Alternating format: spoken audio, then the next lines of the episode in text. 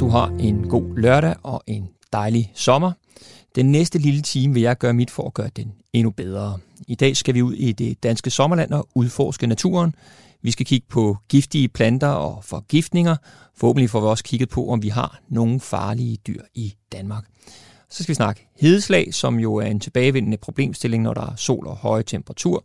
Og det bliver nok kun mere og mere aktuelt med den der globale opvarmning. Så jeg håber, du vil tage den radiofoniske vandrerygsæk med på tur ud i naturen, og at vi sammen bliver klogere. Husk, vi vil meget gerne høre fra dig, hvis du har nogle spørgsmål, både omkring dig selv eller til sundhed og sygdom generelt. Du kan stille dine spørgsmål på sl radio 4dk eller indtale det på telefon 70 20 0400 på vores telefonsvar, hvis det er nemmere. Vi kigger det løbende igennem og vi gør vores bedste for at få dem med i programmet og få besvaret dem. Det kan jo være, at der er andre, der sidder med samme tanker eller udfordringer. Jeg hedder Michael Christensen, og jeg er praktiserende læge og din vært den næste time. Velkommen til. Som en del af mit arbejde har jeg valgt også at deltage i lægevagten. I den forbindelse tager jeg mange telefoner og snakker med mange forskellige typer mennesker, som har mange forskellige problemstillinger. Ikke sjældent handler opkaldene om børn, der har gjort noget dumt eller noget, der er farligt for dem. Og det kan være alt fra at putte en perle op i næsen til små babyer, der har fået fat i noget medicin, eller det hele taget, øh, hvor forældrene bare er i tvivl om, barnet nu overhovedet har indtaget noget, det ikke må. For eksempel er der forsvundet en lille klods eller et eller andet. Og øh, ja, en gang imellem så ved de ikke, om der er sket noget, og så sidder man der og skal prøve at finde ud af, hvad der er sket. Som regel føler forældrene dårlig samvittighed og er flove, men, men sådan er det nok for os alle at selvom man godt ved, øh, hvordan man bør passe på og så videre, øh, og at medicinen for eksempel skal være forsvarligt holdt ude af børns rækkevidde, så kan det ske for os alle, at vi er uopmærksomme, distræte eller direkte uheldige. Der er der også nogle tilfælde med, med ren ufornuft, som for eksempel moren, der ringer og spørger, om det er farligt, hvis hendes lille barn har spist lidt hash. Sådan er det i lægearbejdet. Der er små og store problemer, men øh, folk reagerer forskelligt på udfordringer og sygdom. Øh, der er mange mennesker, som har brug for hjælp i lægevagten, og så er der altså også nogen, som har meget lav tærskel i forhold til at søge læge. En del unødvendige opkald, for eksempel omkring manglende recepter, og man kan også diskutere, om det er nødvendigt at ringe akut til lægevagten, hvis man for eksempel er forkølet og har ondt i halsen, men ikke har feber. Ikke fordi man ikke skal kontakte læge, men i mange tilfælde, så er der de her opkald, de kunne godt vente til egen læge næste dag. Og jeg hører ofte folk, ofte folk sige, jamen jeg får aldrig feber, eller jeg har en meget lav kropstemperatur generelt. Og ja, der findes enkelte personer, som ikke får lige så høj feber eller temperatur som andre. Men nogle gange handler det altså også om typen af infektion, man har haft. Og så undrer jeg mig lidt over, hvor få danskere, der efterhånden har et termometer, og særligt et, der virker. Det er altså en vigtig brik i puslespillet, når vi snakker infektioner. Så gør gerne øh, lægen og de andre patienter i køen en tjeneste. Mål en temperatur, inden du ringer til lægen, hvis du føler dig syg. Og øh, den berømte morhånd på panden er ikke helt det samme som et termometer, selvom jeg selvfølgelig ikke øh, kunne finde på at betvivle en mors evne. For som et ordsprog siger, en øh, god mor er bedre end en dårlig læge. For at vende tilbage til børn og deres evne til at udforske verden omkring sig og smage på den, så kommer man som i så mange andre henseender langt med sund fornuft og opmærksomhed. Når så uheldet er ude ved at slå et slag for giftlinjen, en telefonlinje, hvor man kan ringe ind, hvis ens barn eller en voksen har indtaget noget, man er i tvivl om er giftigt. Selvfølgelig skal man prioritere at få kontakt med lægen, hvis personen har det dårligt. Og fordi jeg ikke sjældent får opkald omkring mulige forgiftninger, enten kemikalier eller planter, og specielt lige for tiden øh, myggestik, vipse og bistik og skovflåter, så har jeg valgt, at vi i dag kigger nærmere på, hvilke ting i naturen vi skal være ekstra opmærksomme på, og på hvilke forgiftninger, der er de mest typiske.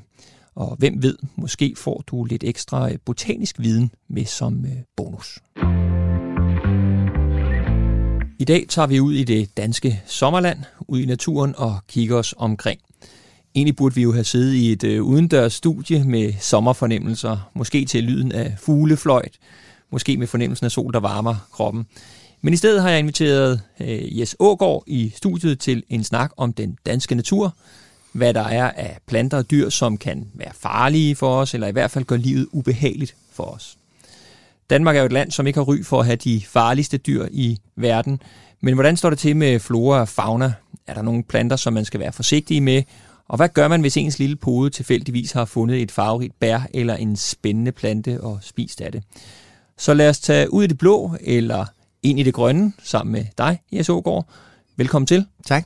Du er øh, naturvejleder ved Naturstyrelsen. Det er rigtigt. Hvis vi øh, vender blikket mod øh, planteriget, øh, hvilke planter har vi så, som er, er giftige, også, giftige for os? Hvis du nu skulle lave sådan en, en form for en, en top 5, har du sådan nogle, nogle specielle ting, du tænker, der, der er relevante for os? Altså, man kan jo betragte på to måder, fordi giftighed er jo en side af det, og en anden side af det, hvad er det, der i virkeligheden sender folk øh, på hospitalet, hvis det er sådan, at de har indtaget det. Og det er nogle gange to forskellige ting fordi nogle af de giftigste planter, vi har, ja, dem har vi ligesom ikke tradition for, de kan ikke forveksles med noget andet, så derfor så er det ikke noget, vi sådan umiddelbart spiser. Men altså, hvis vi nu skal tage, hvad der er noget af det giftigste, vi har hjemme, så er det sådan en som gifttyden. Mm. Det er en skærmplante, den er i familie med alle haveejernes elskling, den der hedder skvallerkål eller vild gulerod eller sådan noget, det er sådan en af de der helt typiske planter, som blomster nu her. Mm. Den står gerne, hvor der er en lille smule fugtigt og vådt, sådan i kanten af en mose eller sådan noget, mm. og den findes sådan jævnt fordelt over, over hele landet. Mm. Den ved dem, der skal bruge den, godt hvordan man øh, bruger, fordi den har altså adskillige liv, tror jeg, på samvittigheden ja. gennem historien. Den har været med til at tage livet af både konger og øh, andre vigtige personer, øh, forsmåede øh, elskerinder og hvad ved jeg, der har øh, brugt den der øh, giftplante til at, øh, at aflive folk med. Den er ret effektiv, og, og, og, og man dør af den, hvis man indtager en øh, forholdsvis lille mængde. Ja. Så øh, det, det, er, det er nok sådan på det, den der toppen, og så kan vi selvfølgelig gå ind i haven. Der findes der masser af stormhat. Der er også en af dem, der er enormt giftige, og der er gift, øh, hvad hedder den, øh, digitalis og så videre, som mm. også både kan bruge medicinsk, hvis det er sådan det er små mængder, og sådan ja. er det også nogle gange. Ja. Og andre gange, så kan, hvis man indtager den i store mængder, ja, så er den faktisk farlig. Ja. Og det er netop, som du selv siger, på nogle punkter, så er det, det her, meget af det handler også om dosis og, og, og så videre. Ikke? Ja. Og det er netop der, hvor man kan sige, nogle gange med, med gift, så er det det der med, jamen man smager på det, og man når ikke at smage alligevel, eller der er en eller anden naturlig afskrækkende ja. ting i smagen, eller et eller andet, der gør, at det signalerer Helt, noget. Ikke? Det viser er det sådan så ofte, så det, der er, er, er giftigt, det smager også grimt. Og det vil sige, at dem, der nu har været giftblandersker, de har gjort alt, hvad de kunne for at blande det i et eller andet, så man ikke opdagede, at man fik det indenbords. Men, øh, men heldigvis er det sådan, så noget smager besk eller grimt, eller på en eller anden måde, så er det bare øh, ikke nogen særlig behagelig oplevelse. Men der er også noget, som kan man sige nødvendigvis øh, ikke er praler af, at de er farlige. Øh, og det kan vi se blandt andet i svampenes verden. Men der er lige en anden, jeg vil nævne mm. også, som er sådan typisk en, der sender folk på, øh, på hospitalet her i løbet af sommer. Ja. Det er den, der hedder dansk ingefær. Ja. Men den, det er sådan en, øh, en meget smuk blomst, mm. øh, som her lidt senere på sommeren, der sætter den sådan en, øh, en, en stok, hvor der er et helt hoved af meget, meget stærk orange-rød røde bær på. Ja. Og der tænker jeg lidt, hvis man nu er slik måned efter bær har frugter og sådan noget, og ikke helt kender øh, vilkårene, ja, så er det altså en af dem, man godt kan komme til at spise af. Og den er faktisk giftig. Ja, det er, det er sådan nogle bær, der inviterer til, at øh, man lige skal se, de ser så flotte ud, og lige se, hvad, hvad er det for noget. Ja, og det er jo bærets natur. Den har det med at lokke og, og smile til folk og sige, spis mig, fordi det er nogle gange plantens strategi. Det er jo i virkeligheden at blive spist, så man kan få spredt sine frø. Og der er der altså nogle andre organismer, som kan tåle det, men sådan nogle som os, vi har det altså lidt, vi, får, øh, vi, vi, vi, får, vi kan risikere at få en forgiftning af dem. Ja, og hvor, hvor, hvor står den henne, øh, den der danske ingefær? Ja, men den står faktisk også i jævnt spredt. Den er sådan en, der godt kan lide så lidt næringsfattig, øh, eller ved det, næringsrig jord, så det er med, og, og, og, gerne også, hvor det er sådan lidt skyggefuldt. Så den står mange steder i kanter af haver, eller i, øh, hvor der har øh, gammel øh, skov og sådan noget. Så jeg synes, man finder den sådan jævnt hen øh, mange steder. Hvis vi så bliver i, i haven, øh, hvad er der så af planter der, man lige sådan skal tænke sig om, inden man begynder at, at sætte, eller som kan opstå eller komme i haven? Altså, Altså man kan så sige, at nu har jeg nævnt to af dem, altså mm. blandt andet stormhat, som vel nok er vores giftigste mm. Øh, haveplante. Mm. Og er jo så også den, der hedder digitalis. Men ja. så er der jo sådan en af dem, som, som man har brugt som, som læplante, som også kan være giftig, den hedder snebær, mm. øh, som har nogle store, flotte hvide bær, som også ja. kan ligne sådan et hvidt bolsje der. Ja. De er heldigvis ikke særlig giftige, og jeg tror, der er mange børn, der kommer til at putte sådan ind i munden, uden at det er, er blevet noget, der de, de, er, de er døde af eller noget som helst. Så, øh, men det, det er også en af dem, som man ser rigtig mange steder.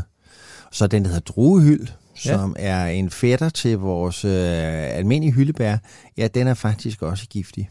Ja. Øh, og det er dele af vores, hvis det er sådan, at man spiser de grønne dele, eller grønne bær, mm. af, af, af hyld, så er den faktisk også giftig. Øh, det er der, på et tidspunkt, da den, den grønne, vilde madbølge væltede ind over landet, der var der nogen, der uh, lurede på, om man ikke kunne bruge de der grønne bær, for de lignede jo lidt uh, kapers, ja. og marinerede dem og, og spiste dem som kapers. Og det er en rigtig dårlig idé. det fungerer det ikke så godt. Nej, det fungerer ikke så godt. Det er lige... Man skal i hvert fald kun give det til sin svigermor, fordi at det, det, er, det holder ikke i længden. Nej.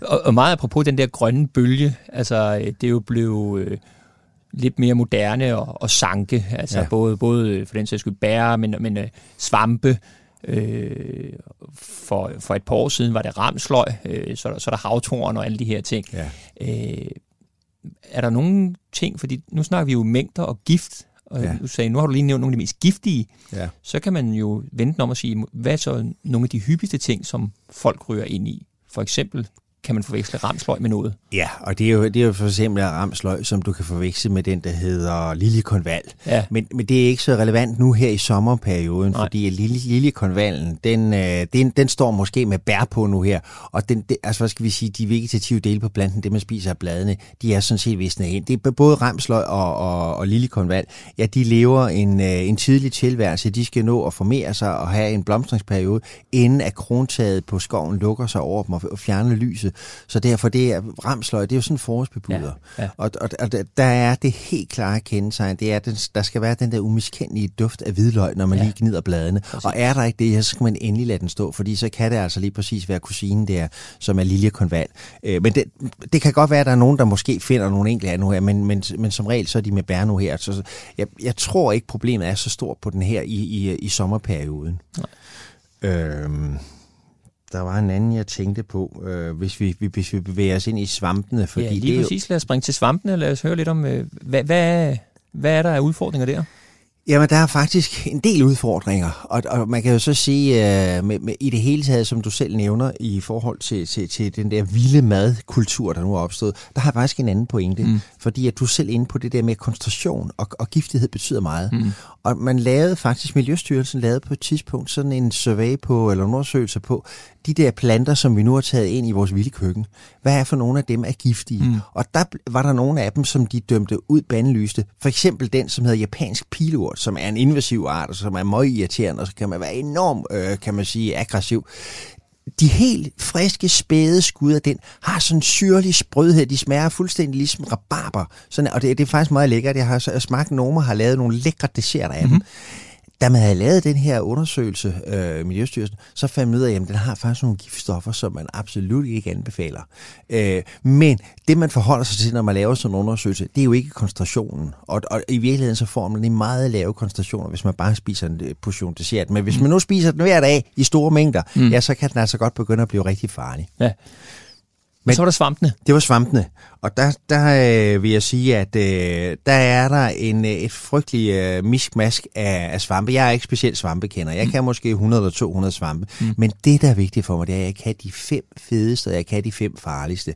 Og kan man det, så kan man faktisk gebære det så mange steder. Mm. Men vi, kan ikke, vi kommer ikke udenom fluesvampene, som er nogle af de svampe, som, øh, som slår mennesker ihjel. Ja. Og jeg er ret overbevist om, uden jeg på nogensinde nogen kommer til at bevise dem, der var en frygtelig sag her for nogle år siden, hvor en familie... Øh, en somalisk familie, jeg tror ja, somalisk familie. Næstved eller et eller andet. Ja, hvor der var... de spiser, øh, de har aldrig indrømmet, at de har spist svampe, Præcis. men de har de der helt typiske skader. Det var leverskader, mm. øh, og, og, og det der er det ærgerlige ved, ved fluesvamp, det er, at den smager faktisk ikke grimt, den smager ganske udmærket, mm. og den har en meget, meget fysisk lighed med svampe, der findes i andre kontinenter, som er stå, gode spisesvampe. Mm. Og hvis man kommer hertil med en anden kulturforståelse for planterne, og spiser fluesvampen, 50 gram kan være letalt, fordi den har nogle, nogle giftstoffer, som nedbryder vores lever. Mm. Og hvis det er sådan, at de først får lov til at, kan man sige, virke, ja, så er det jo en irreversibel proces, som det hedder mm. i fagsproget. Og det vil sige, at man kan ikke rigtig gøre noget. Og det dør man af, og det er rigtig ærgerligt. Så derfor, de hvide fluesvampe, dem går jeg ud og advarer imod gang på gang. Mm. Og det er sådan, hvis man vender en svamp om, hvis den har sådan nogle, øh, hvad kan man sige, øh, rækkestillede lameller, jamen så, øh, så det er en sådan type af svampe, man kalder lameller. Hvis de er helt hvide, ja, så hedder det no-go, fordi Okay. at så ved man, at så, hvis man mindre man kender og er helt sikker på, fordi det er sådan som alt muligt andet i biologien, der er t- masser af regler, og så er der masser af undtagelser. Der findes rigtig gode spisesvampe blandt fluesvampene også, men der skal man altså være super kender. Ja, og grundlæggende er det, altså det tror jeg også vil være mantraet for, for udsendelsen dag jo også øh, i forhold til det her med, hvis man er i tvivl, øh, så er der nok ikke nogen grund til at satse. Nej.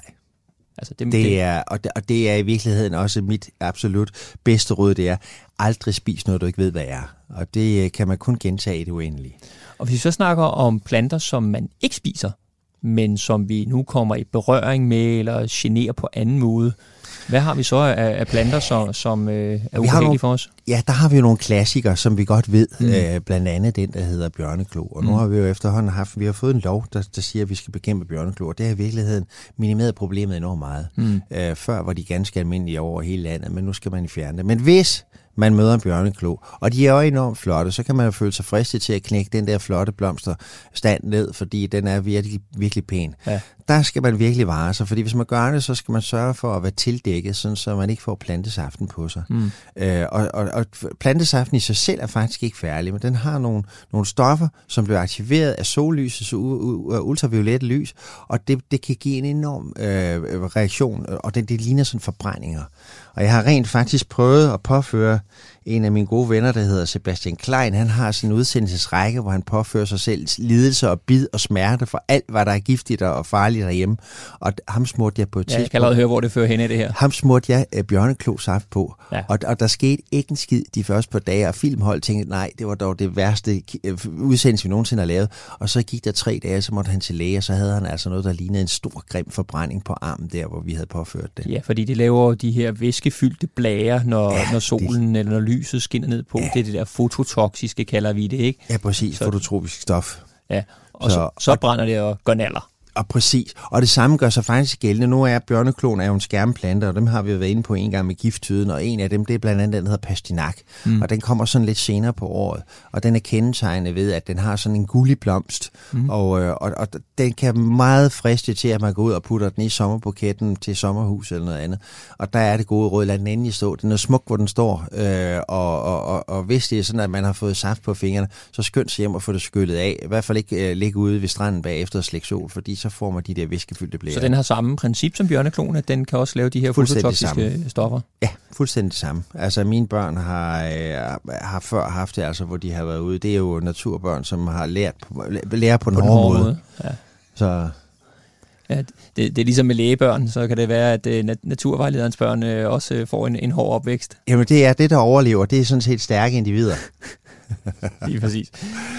Prøv lige at høre, øh, nu har vi snakket lidt planter, vi har snakket svampe, vi har snakket planter, som man ikke putter i munden. Ja. Øh, dyr, Øj, der har vi jo et redselskabinet, vi kan åbne for her. Ja. Og, og, og hvis vi nu skal tale, hvad der i virkeligheden sender flest danskere på hospitalet, mm. så er det faktisk vores vipse. Ja. Og jeg har taget en arm med herind. Øh, jeg blev stukket af en vips, eller to vipse faktisk i, øh, i forgårs. Ja. Og jeg ved ikke, om I kan se det, men jeg har simpelthen sådan en stor rød skib og skræk underarm her. ja, han, han, har, han fremviser nu en, en underarm, der, øh, der ser øh, lidt, rød, lidt rød og hævet ud med, no, med nogle Ja. store plamager her. Ja. Ja, og, og det er øh, prisen for at gå ind i sit brændeskur, hvor vipsen har etableret sig med et bo. Og det er sådan, at vipse bryder sig ikke om fremmede, der kommer for tæt på deres bo. Og de går lige til angreb med numsen først og stikker. Mm. Øh, og inden man overhovedet gør noget, så, og, og jeg har har nok åbenbart en lille smule allergi, øh, så, som gør, at det er hævet meget op. Og det, det gjorde enormt ondt de første tid, og, det, og nu, nu klør det bare helt øh, irriterende meget. Øh, men det er nogle af dem, som, som kan man sige, sender folk på skadestuen, fordi at man netop kan overreagere øh, øh, immunmæssigt, og nogen kan jo risikere at dø af det, hvis det er sådan, man får det, man kalder et øh, apolaktisk chok. Ja, lige præcis. Man kan sige, med, med bier og, og vipse, så er der jo netop, det varierer lige fra, fra de små lette reaktioner, fordi med brøden, der putter de jo noget giftstof ind, og så giver de den der, både den lokale reaktion, men der kan også opstå en Ja, Allergisk systemiske- reaktion. Ja.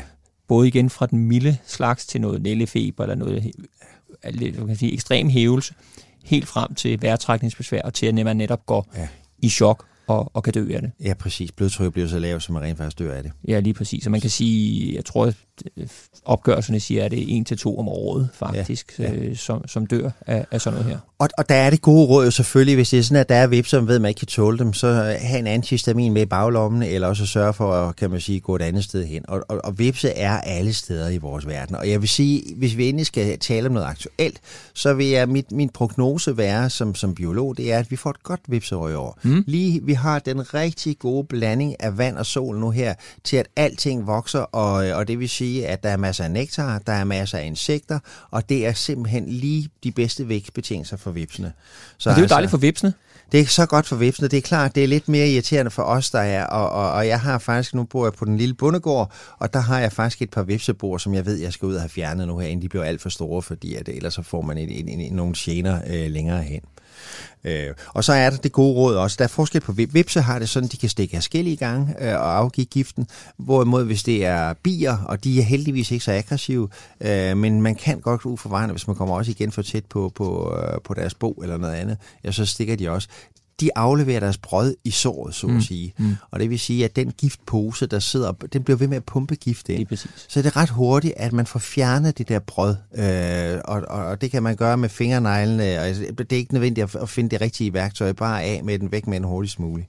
Ja, lige præcis. Altså, fordi rådet er at netop, nu snakker vi også mængde igen, på fjerne giftbrød, så der ikke kommer, så der kommer så lidt gift ind ja. som muligt, ikke? Ja. Er der andre, øh, hvad tænker du i forhold til behandling af de her øh, bier, vipsestik? Altså, øh, min erfaring, det er at få det kølet lidt ned, og det er i virkeligheden for, altså, de, de gener, der er for langt de fleste af os, det er, ja, det går ondt lige noget stukket, og så kommer der bare den der infame kløen, og der er det enten, kan man bruge noget lidokain eller noget andet, altså sådan kløstillende øh, håndkøbsmedicin, eller også, så bruger jeg som regel lægge lidt koldt på, det synes jeg også, fordi den hævelse, den gør også, at din hud bliver spændt, og, og vævet bliver udspændt og sådan noget, det er en irritation, og det kan man mindske lidt i smule med, med, med kulden. Ja, lige præcis. Altså man kan sige, det lægelige råd er jo netop få koldt på, øh, immobilisere øh, gerne armen lidt opad, ja. og så eventuelt tage en antihistamin, øh, ja. også med det samme, som også ja. kan være med til det. Ja. Og det er klart, mærker man noget mere end bare den lokale reaktion, mærker man det mindste med, at man bliver utilpas, får netop fornemmelsen af, af åndenød, eller man det svimler lidt, så skal man jo kontakte læge flux. Ja, fordi øh, så, så kan det være meget alvorligt. Og så er det selvfølgelig også vigtigt at vide, at en ting er, at man bliver stukket på, på armen eller på maven.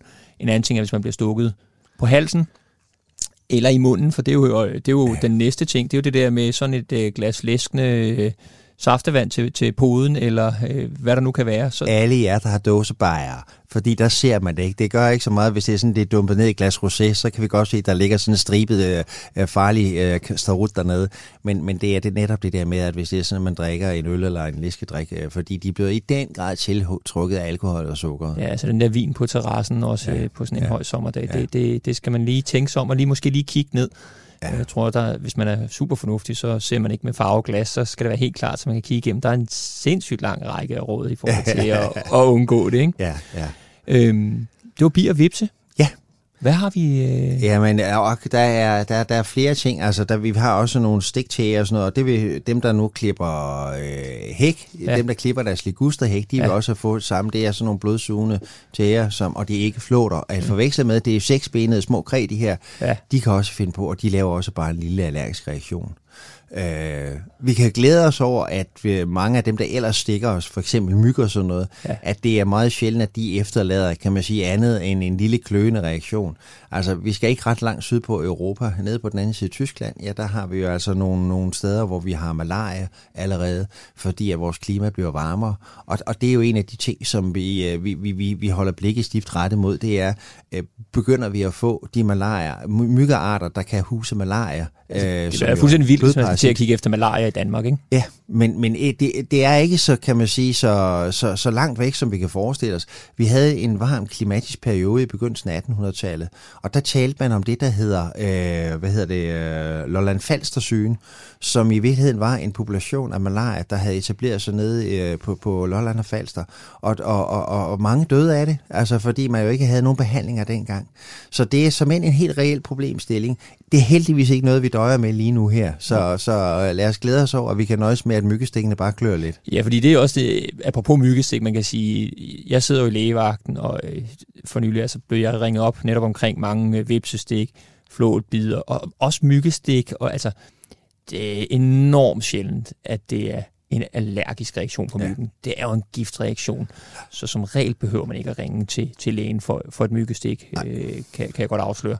Øh, og så kan man jo sige lige, apropos den snak, du lige har haft omkring det her, så er det jo selvfølgelig endnu et, et, et hak til den her globale opvarmning at øh, hvis den medfører malaria i Danmark, så, øh, så, så, er der, så er der endnu... grund til, at vi sparer på energien. Lige, lige præcis, så vi, så, kan, så vi kan undgå malariaen i Danmark.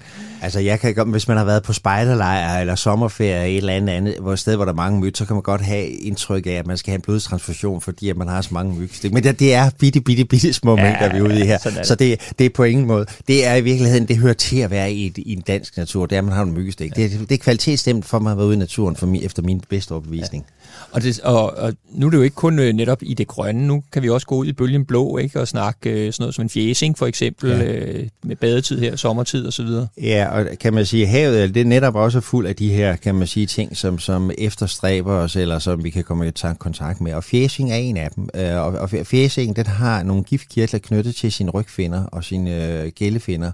Øh, og, og, og jeg har heldigvis 7 i 13 aldrig selv blevet stukket af men Jeg har håndteret mange af dem. Jeg er gammel undervandsjæger. Men hvis man nu bliver stukket af dem, så skulle det gøre usigeligt ondt. Det er en meget, meget smertefuld gift. Øh, og øh, og, og det, man skal... Behandling af sår enkelt, det er øh, den del, der er blevet stukket ned i øh, 40 grader varmt vand. Så, så varmt som overhovedet kan, fordi proteinet, øh, som giften består af, det denaturerer, eller går i stykker, øh, hvis det er sådan, at når, når vandet er varmt. Så det, det, det er det gode råd, det er. Ja, og det, øh, man kan sige nu, øh, for, for ikke så lang tid siden øh, snakker et program blandt andet om at blive ramt af en, af en brandmand. Ja. Øh, der snakker man omkring det, skal man, skal man tisse på det eller ikke? Jeg tror faktisk med fjæsingen, der er det lige før, at det er at tisse på det, fordi det vil være varmere. Ja. At lige der, ja. der giver det mening. Ja, præcis, præcis. Det kan godt være, at man skal gå lige op bag ved klitten, fordi det kan opfattes på en anden måde.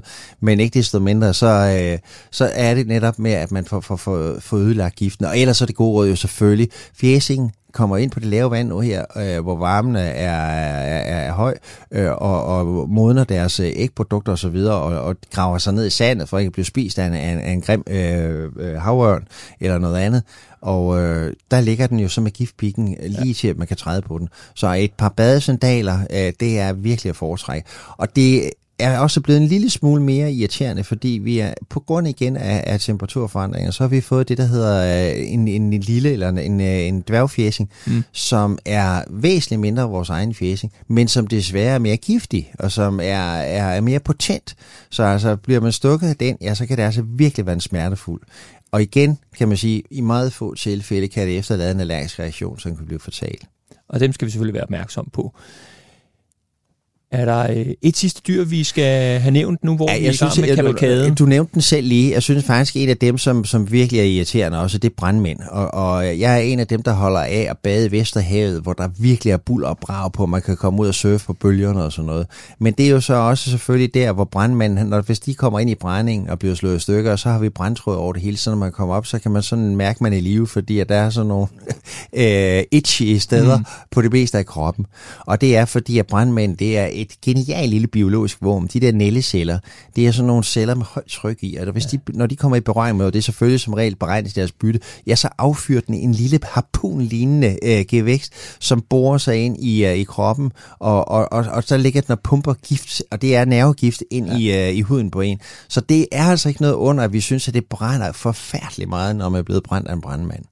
Øh, og, og, og der er det gode råd, det er at få det skrabet af så hurtigt som muligt. Og hvis man nu ikke lige har taget sin lady shaver med derud, ja, så kan man altså bruge kanten af et dankort eller noget andet, og få skrabet de der nælleceller væk, sådan, så de ikke bliver ved med at egentlig frigøre gift. Også bedre at skylle med, med saltvand end øh, for eksempel ferskvand, fordi cellerne springer også faktisk ja. med, med, med det der ferskvand. Ja. Jeg havde faktisk øh, for et par dage siden, øh, apropos lægevagten, øh, en, øh, en badegæst, der blevet ramt af brændsråd i øjnene. Ja. Så, så der, øh, der skulle man lige øh, tænke sig om også i forhold til netop at få skyllet med saltvand og, og så videre så ind til skadestuen, ikke? Ja, der kan jeg fortælle en forfærdelig historie. Min gamle bror, han, eller min bror, han, han, han arbejdede præcis på, på en fiskekutter, og der var der en, der havde fået en brandtråd i øjet. Så sagde jeg, skipper, du går bare lige ned og skærer et halvt løg over, og så lige knider i øjet. Og så kunne han ikke mærke brandtråden længere. og, og med det sidste fif, at uh, gå ud og skære løg, så uh, siger jeg tak til uh, Jes Ågaard for at hjælpe mig med gennemgang af de farer, der alligevel lurer i det danske landskab. Og tak til dig, Jes, for at udvide mit uh, i et sparsomt uh, botaniske ordforråd. Godt. Kan I have en god sommer? Som vi hørte undervejs i snakken med Jes Ågaard, er der risiko for kraftige reaktioner eller forgiftninger. Og nu har jeg så øh, fornøjelsen af at have speciallæge Anja Husum med på øh, studielinjen her. Øh, hun vil være med til at give os nogle råd omkring, hvad man skal gøre, hvis man har indtaget noget giftigt eller i tvivl om, øh, man har. Velkommen til, Anja. Tak skal du have. Anja, øh, kan du ikke fortælle lidt om, hvad I gør, når folk kontakter jer omkring en øh, mulig forgiftning? Jeg skal huske at sige, at du sidder jo og øh, er lægelig rådgiver på giftlinjen, som jo er den her telefonlinje, som folk kan ringe ind om. Prøv at fortælle om, hvad, hvad gør I, når folk ringer? Når folk ringer ind til os, så er de jo typisk øh, i tvivl om, de har spist noget, der er giftigt, eller, øh, eller om der er noget, der er giftigt. Jeg står her og skal til at spise det. Sådan er det ofte. Øhm, så det vi prøver at hjælpe folk med, det er at identificere, hvad er det, de står med. Øhm, det er jo altafgørende for at, at beslutte, om det er giftigt. Øhm, så, så, men, men vi kan jo ikke sidde og være biologer, så det er meget hjælp til selvhjælp for at finde ud af det.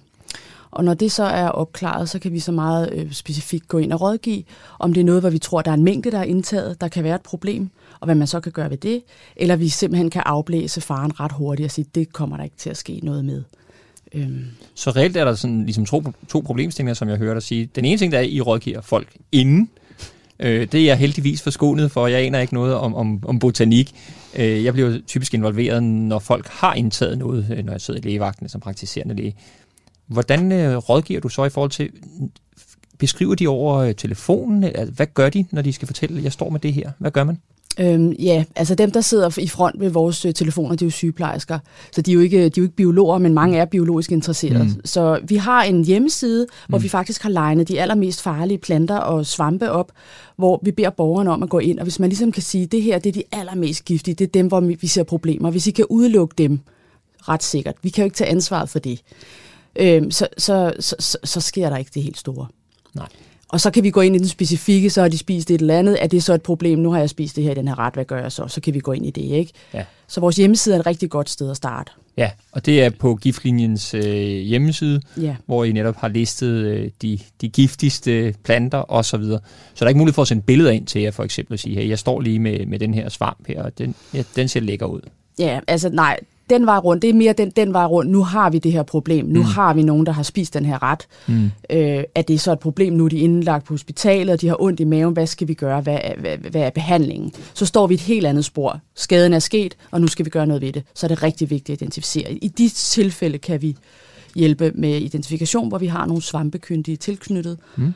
øh, som kan, men det er jo meget få, øh, der er det. Ja, og netop jeg tænker det her med, med svampe, eller, altså det er jo ret, øh, hvad skal man sige, kritisk, eller det, hvordan den ser ud, altså det er jo afgørende, hvad er det for en svamp, det skal I jo bruge ret, der, de ligner hinanden, tænker jeg, inde i mit hoved. Nu kommer min, min manglende øh, interesse i, i botanik igen måske til, til, til tydelighed.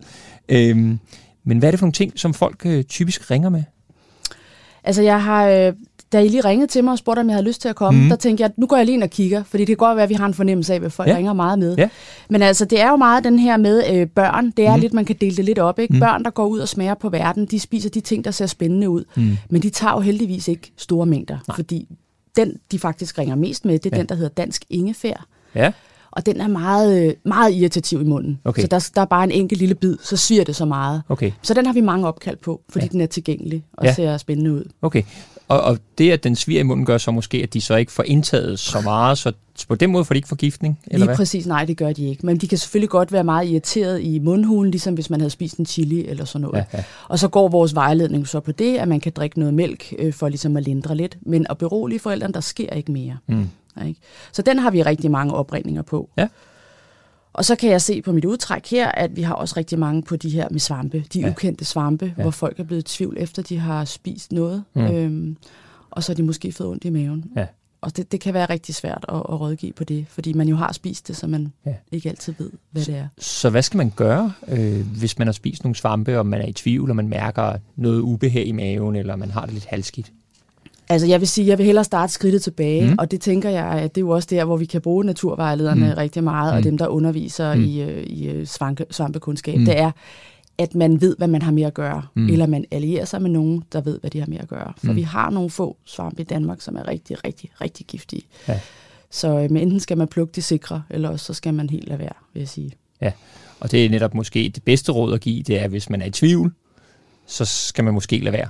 Ja, det ja. synes jeg. Ja. Det, øh, så selvfølgelig, når uheldet er ude og noget er sket, så går vi jo ind og hjælper så godt vi kan, men det kan være rigtig svært, hvis vi ikke ved, hvad, der har med, hvad, det, hvad det er, man har indtaget. Ja. Så derfor vil jeg sige generelt råd, at hvis folk, når de er ude at svampe, og, og øh, hvad hedder det, sanke svampe mm. eller andre planter, det er måske at tage et billede af det, de spiser. Mm. Det er mm. sådan noget, der kan være rigtig godt bagefter. Øhm. Ja, til at tage med, hvis patienten nu skulle ind til en læge, eller skal ind på sygehuset, så har man et billede, kan sige, hey, prøv at se, det var det her. Ja. ja. Hvis man nu så skal sige, nu, er, nu har forældrene været i skoven, eller man har været et eller andet sted, eller også bare hjemme i haven, for der findes jo også giftige øh, planter i haven, og barnet har, har indtaget noget. Øh, hvad skal man gøre som forældre? Altså der vil jeg sige, ring til giftlinjen. Vi er meget vant til at, øh, at, at den indledende fase, finde ud af, hvad der er sket. Hvor meget kan der i værste fald være indtaget? Mm. Og kan det så være et problem? Mm. Og hvis der er den mindste slinger i valsen, eller vi er i tvivl, så anbefaler vi jo, at man kommer ind på sygehuset til behandling og observation. Og hvad gør man, inden man kommer på sygehuset? Skal man, skal man drikke noget? Skal man provokere opkast? Øh, hvad skal man gøre? Vi kan ikke sige noget generelt. Det er Nej. meget afhængigt af, hvad man er udsat for. Og det er også mm. derfor, jeg siger, at det er en rigtig god idé at ringe til os, fordi vi er så vant til... Øh, og, og vi ved jo også, at der er jo mange ting, som i haven. Altså, der skal jo gigamængder til som regel, før ja. at, at der er nogle meget få planter, som kan være meget, meget, meget, altså meget potente, hvor der ikke skal så meget til. Og der kan vi lynhurtigt være med til at lave den der sundring. Ja, fordi det, det leder mig egentlig lidt til, til noget af det, det næste, jeg egentlig gerne vil have spurgt. Det, det det med mængden. Altså, mm. hvad betyder mængden? Jamen mængden betyder jo, jo alting, men mm. det, der er så svært ved naturen, det er jo en pille, der ved vi jo, der er den af, afvejet, og vi ved, hvor mange milligram der er i. Det ved vi ikke med planterne. Det er meget afhængigt af vækstforhold, og hvordan de lige har stået, og hvor gamle og, og nye skuddene er og hvad det er på planten, man har spist. Der er nogle planter, hvor det er roden, der er den giftige, og nogle planter, hvor det er topskuddene, der er giftige. Så, så det er meget, hvad skal vi sige, variabelt, øh, mm. øh, hvor giftig den enkelte plante er. Men selvfølgelig, mængden er jo selvfølgelig afgørende. Øhm, så det er, ikke så, det, det er som regel ikke børnene, vi ser, der bliver forgiftet øh, af planter. Det er som regel, at man har... Altså, vi kan godt mærke på giftlinjen, at det er blevet mere moderne at samle mad selv, og det ja. skal være naturligt. Ja. Og det er også der, hvor vi ser risikosituationerne opstå, fordi så spiser man store mængder. Man er sikker på, at det her, de her blade, det er det, vi skal lave pesto af. Mm. Og så får man rigtig meget most, og vi putter olie, vi putter hvidløg i, og vi kan måske ikke smage de her advarselssignaler, som ja. at det sviger i munden eller ja. smager dårligt. Ja, så, som øh, det her med, med ramsløg for eksempel, og, og nogle andre planter, der jo ligner hinanden, det er jo sådan, og tænker jeg også en, der er moderne nu. Lige præcis, lige præcis. Men der er også andre, hvor, hvor, hvor, hvor det kan ske. Så der er det jo klart, der får du den store mængde ind. Ikke? Ja. Og hvad med sådan noget, som nu har vi snakket planter, er der også sådan noget med, med dyre, øh, bid, stik? Er, er, det også, er der bliver også kontakt omkring det? Ja, det gør vi. Altså lige nu er det jo øh, den er derude. Det er jo ikke sådan vildt hyppigt, men den er derude, mm. og der ringer folk også til os. Okay. Øhm, og så er der jo en sjældent gang en, øh, en eksotisk æderkop eller sådan noget, der har snedet sig ind i en bananklase eller en skorpion. Det hører vi også om indimellem. Okay. Skorpion er ikke et udpræget dansk dyr, øh, mm. heldigvis. Øh, men hvad med, øh, hvis vi nu prøver en gang lige at snakke hugorm? Øh, kan, du, kan du ikke sige lidt om hugormbid? Hugormbid? Jo, men altså hugormen, den, den skal jo have giften ind i vores krop, så den skal jo via sine tænder have det initieret i, mm. i os. Øh, og, øh, og lidt afhængig af, hvordan den forbitter os, hvor på kroppen, og hvor meget der lige kommer ind, og hvor det bliver deponeret, så kan det udvikle sig lidt forskelligt. Mm. Men giften er øh, noget, der kan både give, at man får enormt meget hævelse og misfarvning, sådan kæmpe blå mærker. Øhm, og der er også nogen, der kan blive rigtig dårlige med mavesmerter og lav blodtryk og sådan noget. Så vi vil altid anbefale, hvis man er blevet bidt af en hugorm, så skal man blive set af en læge. Ja, for der er jo også muligheder for netop, at man kan blive rigtig dårlig af det, og jeg tror nu, jeg tror det er det 400 eller sådan noget, inden man siger, der bliver bidt om året i, i Danmark, og, og der har ikke rigtig været så mange dødsfald inden for de sidste mange, mange, mange år. Nej, det er rigtigt. Øhm, men det er også fordi, vi herhjemme har, har kort vej til hospitaler og har mulighed for en, for en antidot, altså en, en modgift også, hvis det skulle være Lige præcis, være lige præcis. Slemt, så, øhm, så man kan sige, det behandler vi, men for at være på en sikker side, skal man se sig læge, fordi det kan være så forskelligt, hvordan det udvikler sig. Og nogle udvikler det sig utrolig hurtigt, og nogle går det langsommere. Mm. Jeg sad lige kort og tænkte på det her med, med svampe før, som mm. vi også snakkede om, øh, i forhold til svampeforgiftninger. Øh, er der nogle gode råd i forhold til det svampeforgiftninger? Nogle siger jo, jamen, øh, hvis ikke man bliver akut dårlig med det samme, så er det okay. Hvad hvis det opstår efter 2-3-4 dage, man er lidt, har lidt skidt? Altså det, problemet er, at der er mange af de, af de giftige svampe, dem som vi synes kan være problematiske, ikke? Mm. for eksempel den grønne fluesvamp, der mm. kan lave, der simpelthen laver en, en, en leverskade. Mm. Så har vi også nogle, nogle andre svampe, som kan lave noget nyere skade. Så det er bare nogle meget forskellige toksiner eller mm. gifte, der er i de her øh, svampe, og, og udviklingen vil være meget forskellig, så jeg synes ikke rigtigt, man kan ikke sige noget generelt. Svampe kan også være fordærvet, de kan være rådne, der kan være jord på, det kan jo også give nogle mavesymptomer. Mm. Øh, så jeg vil, sige, jeg vil ikke sige, at alle, der har spist svampe, de skal ringe ind til os, men jeg vil sige, at hvis man selv har været ude og plukke svampe, øhm, så skal man være mere opmærksom på, øh, hvis man bliver dårlig af det. Det er mm. nok mere det. Mm. Og så som du selv siger, en god idé er at tage, tage billederne, når, når man er derude, så man i hvert fald tager det med videre. Måske har de tankerne, uanset om det kommer lidt senere, så lige være opmærksom på, er der et eller andet, man havde indtaget. Øhm, er der et eller andet sidste godt råd fra, fra dig som fagperson inden for giftlinjen til, til folk derude, hvad de sådan skal tænke sig om i forhold til forgiftninger? Øhm, ja, jeg tror egentlig, at, øh, at det her med, når man skal til at spise store mængder, ikke? Altså, der skal man måske nok tænke sig om at være ret sikker på det, man spiser, fordi øh, der, der kan man få store, hvis man spiser noget forkert. Det er der risikoen sker, ikke? Pestoen, smoothien, hvor man øh, maskerer smagen med en masse sukker. Øh. Og som du selv siger, det er faktisk okay at ringe til jer, øh, hellere måske en gang for meget, lige præcis med det at sige, jeg er faktisk lidt i tvivl om det her, det, jeg skal spise det her, eller ikke, når jeg nu har været ude. Tja, identifikation igen, det kan vi ikke rigtig tage ansvar for, Nej. men altså det, øhm, men ja, så vil, så vil jeg hellere sige, så vil, så vil, så vil jeg lade være. Ja. Og så, ellers så er der den der hjemmeside, som vi også har, hvor man i hvert fald kan kigge efter de der... Øh, de problematiske, kan De problematiske ja. planter. Ja. Super. Og med øh, de ord vil jeg sige tak til Anja Husum og Jes for en øh, super spændende snak om den danske natur og forgiftninger. Forhåbentlig kan du øh, tage deres tips med videre næste gang, du er med ud på tur. Sommer er heldigvis de fleste år lige med sol og varme. En gang imellem kan det også blive for meget. Det gælder både i Sydeuropa eller mere eksotiske himmelstrøg end herhjemme, men også i Danmark kan varmen blive for meget for mange. Så meget, at man kan dø af det. Ved hedebølgen i Danmark i 2018 anslog Statens Serum Institut for eksempel, at varmen var medvirkende til ca. 250 dødsfald. Det er altså noget, der virkelig kan give øh, problemer for særligt de ældre og lidt svækkede. Og som led i denne sommerspecial stiller vi nu øh, skarpt skarp på hedeslag, og jeg har Morten Besle med på telefonen til en snak om hedeslag og behandling af den. Øh, Morten, du er intensivlæge og øh, professor.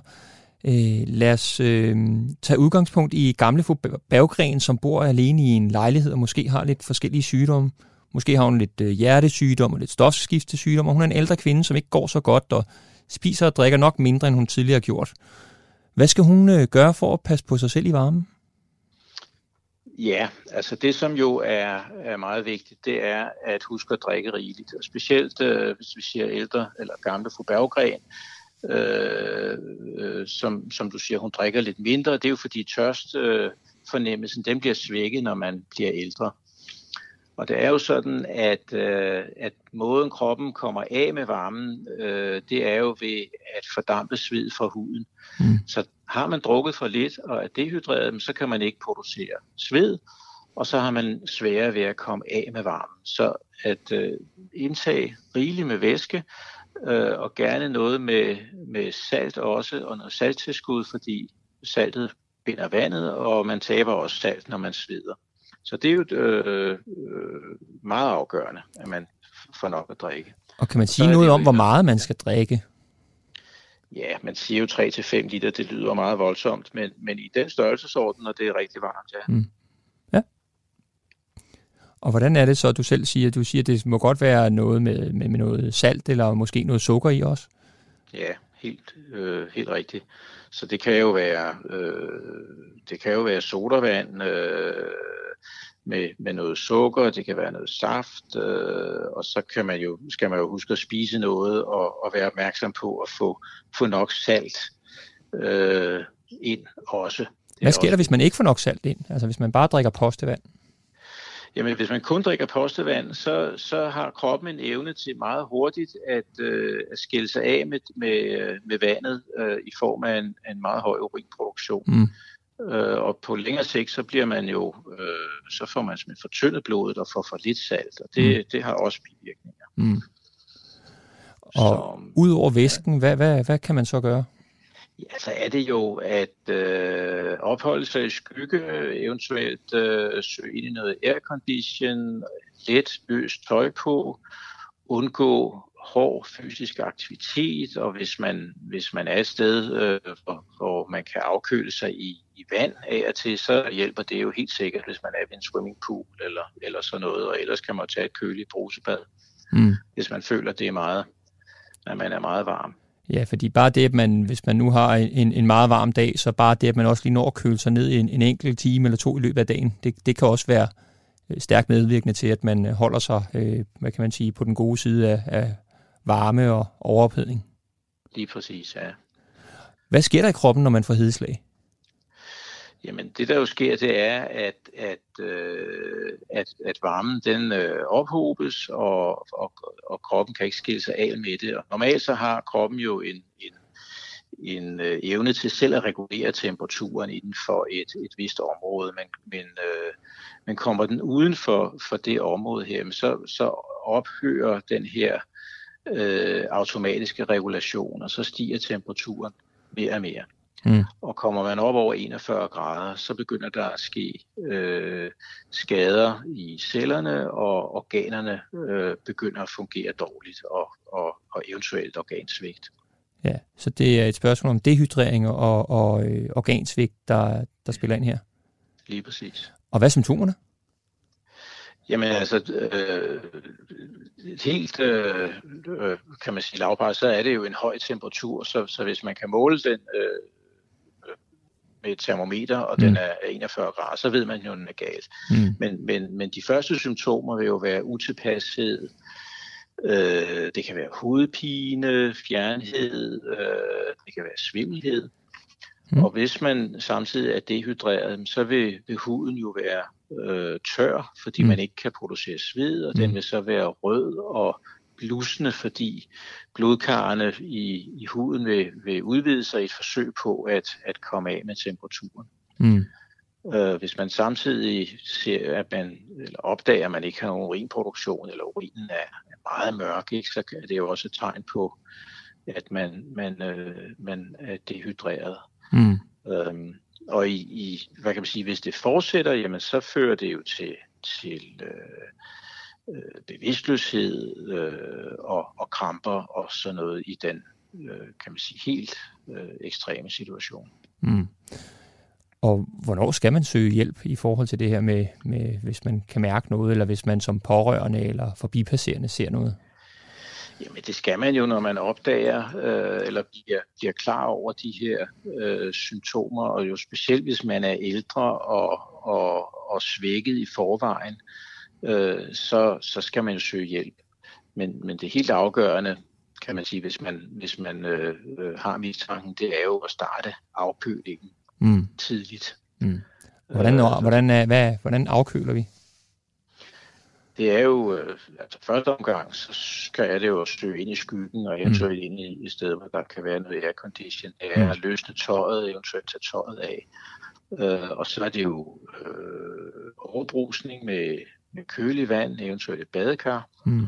Og der skal man jo så huske, at det skal ikke være, det skal jo ikke være iskoldt. Man mm. siger sådan 15-18 grader. Mm. Hvis man, så det skal ikke være noget, et badekar med, med isklumper i. Mm. Så, så øh, så kan man også gøre skade. Mm. Og så er det også noget med, at man kan også lægge sådan noget kolde, kolde omslag eller isposer øh, på, på kroppen, yeah. hvis man nu har en pose kolde ærter eller et eller andet. Lige præcis. Øh, hvis ikke man lige er i nærheden af, af, af et badekar eller en bruser, jamen, så kan man netop øh, brede nogle laner eller håndklæder op i køligt vand og, og, og lægge over kroppen, eller som du siger, isposer i nakken, øh, andre steder på kroppen kan også hjælpe. Ja. Og øh, hvad, altså nu har vi snakket lidt om den, hvad skal man sige, lidt akutte behandling, øh, sådan basalt det her med, at vi selvfølgelig lige kigger på, hvordan har patienten det, er vedkommende vågen og klar og, og trækker vejret og alt det her. Og så ellers, hvis, hvis vedkommende vurderer sig at være okay, at så laver man de her øh, kolde omslag og forviftet og skygge og eventuelt noget, noget overbrusning. Øh, når de kommer ind på sygehuset, hvad, hvad gør man så? Jamen, øh, det kommer an på, hvor, hvor fremskreden det er, fordi mm. øh, ellers vil, vil behandlingen jo på, på hospitalet være det samme. Det vil være at, at starte nedkølingen. Mm. Øhm, men hvis det er så fremskredent, at, øh, at vedkommende er bevidstløs øh, og har påvirket øh, vejrtrækning, påvirket nyrefunktion og sådan noget, jamen så, så vil i den, i så kan det føre til, at man bliver indlagt på intensiv afdeling ender i respirator i den, kan man sige, yderste konsekvens. Mm. Og, så. og mens man er i respirator, altså hvad, hvad er man så opmærksom på? Hvad er det, man behandler med, og hvad er det, I kigger efter? Ja, men det er jo, kan man sige, det er jo alle kroppens funktioner. Øh, vi, vi, øh, vi, vi, vi, vi holder øje med mm. og, og forsøger at stabilisere. Mm. Så det er jo både med tilførsel af, af væske via drop, og, og så er det sørge for, at, at, at blodet får, får ilt nok, og det mm. kan så eventuelt være med ildtilskud og respiratorbehandling. Og hvis, hvis nyrerne er holdt op, jamen, så kan vi øh, hjælpe med, med dialyse og, og den slags. Ja, dialyse, prøv lige, bare lige fortælle lidt om, hvad, hvad er det nu, det er? Ja, det er jo sådan en rensning af blodet, hvis, hvis, øh, hvis, øh, hvis nyrefunktionen er gået i stå. Men det er jo kun i helt, øh, kan man sige, ekstreme tilstande. Mm. Og det udvikler sig så slemt. Ikke? Mm. Man kan sige, Men, nu, øh, nu ved vi jo alle sammen det her med netop med, med sol og, og varme, skal man være opmærksom på, også i forhold til det her med, måske når man, når man er på stranden og, og har fået en enkelt øl eller et eller andet, det er heller ikke så hensigtsmæssigt. Er det kun, øh, er det kun sol og varme, der giver hedeslag og overophedning? Nej, altså det er jo øh, en tilstand, der kan ses øh, ved, ved andre øh, ting, at der er jo blandt andet forskellige typer medicin, der kan give det.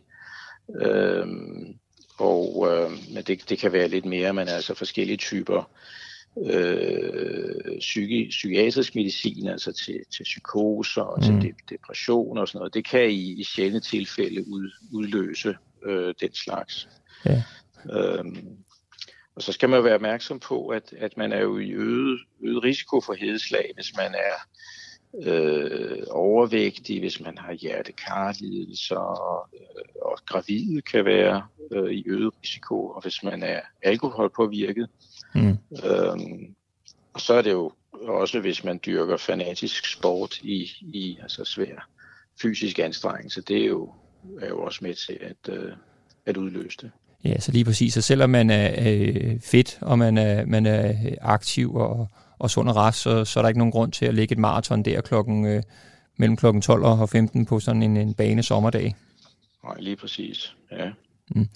Morten Bestle, øh, tak fordi du ville være med til at gøre os øh, klogere på hedeslag. Så er det bare med at øh, have isterningerne klar, og så er de kolde drikke.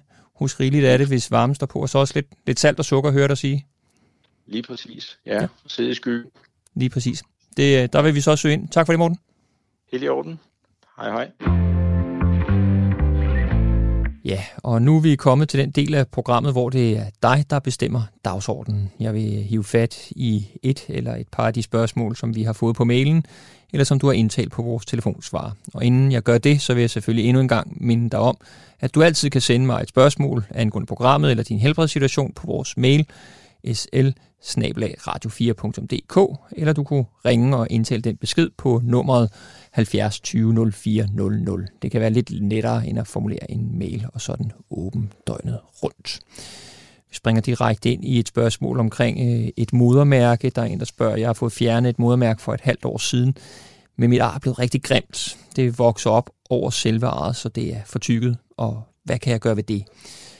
Jamen altså, det er formentlig det, der hedder keloid eller noget hypertrofisk ardannelse, det vil sige, der bliver lavet for meget ar. Og det er sådan en tilstand, hvor der efter et ar, enten ved en skade eller netop fjernelse af et modermærke, opstår den her ekstra arvævsdannelse. Der er en øget risiko, hvis der bliver noget træk på sårkanterne, faktisk hvis man har mørk hudfarve, og yngre mennesker får det oftere. Og så er der også risiko, hvis man har haft en infektion i såret. Og det er en tilstand, som er relativt nem for din læge og diagnostisere ved, at du er op hos vedkommende og kan klare det med øjnene og kigge på det på den måde. Oftest øh, så forsvinder det faktisk ikke af sig selv. Øh, og desværre så ser man i mange tilfælde, at hvis man prøver at skære arvet væk eller operere det væk, så dannes det igen, og i nogle tilfælde så bliver det faktisk endnu værre. Så behandling er ikke rigtig god. Man kan prøve forskellige ting, og man kan lægge området under noget tryk. Det skal være mere eller mindre døgnet rundt. Eller man kan prøve at blødgøre det med et silikoneplaster. Øh, man kan også få en indsprøjtning med noget binyrebarkhormon lokalt, eller man kan prøve, som sagt, at få det opereret væk. Og når man så når længere hen i lidt mere, skal vi sige eksperimentel, eller hvor man er nået til at prøve noget, noget lidt mere yderligt, så er laser eller fryseterapi faktisk også nogle øh, behandlingsformer, som man af og til afprøver ved generende ud.